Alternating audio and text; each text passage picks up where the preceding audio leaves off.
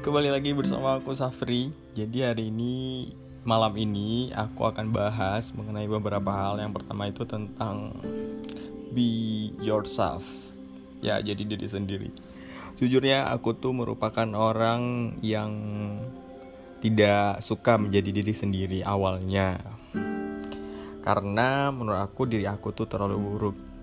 Tapi semakin ke sini tuh semakin paham bahwa Tuhan itu memberikan segala sesuatu dengan porsi yang udah pas banget. Percaya atau enggak, Tuhan memberikan segala sesuatu dengan pas dan pada porsi yang tepat. Gitu. Jadi semakin ke sini tuh aku semakin percaya kalau diri aku ini adalah diri yang terbaik. Meski aku banyak kekurangan, tapi Tuhan pasti memberikan kelebihan juga. Dan kelebihan itu juga belum tentu dimiliki oleh orang lain. Dan bisa jadi kekurangan itu juga dipunyai oleh orang lain dan orang lain bahkan lebih buruk dalam hal kekurangan yang kita miliki. Jadi tunggu apa lagi?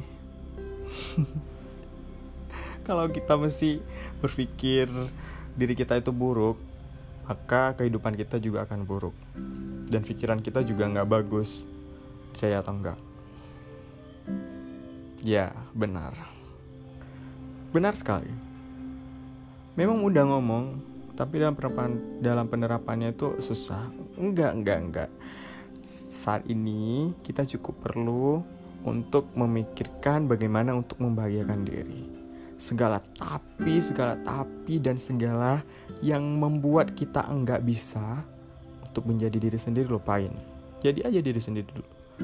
Mau kamu dibilang buruk, jelek, mau dibilang busuk, mau dibilang jahat.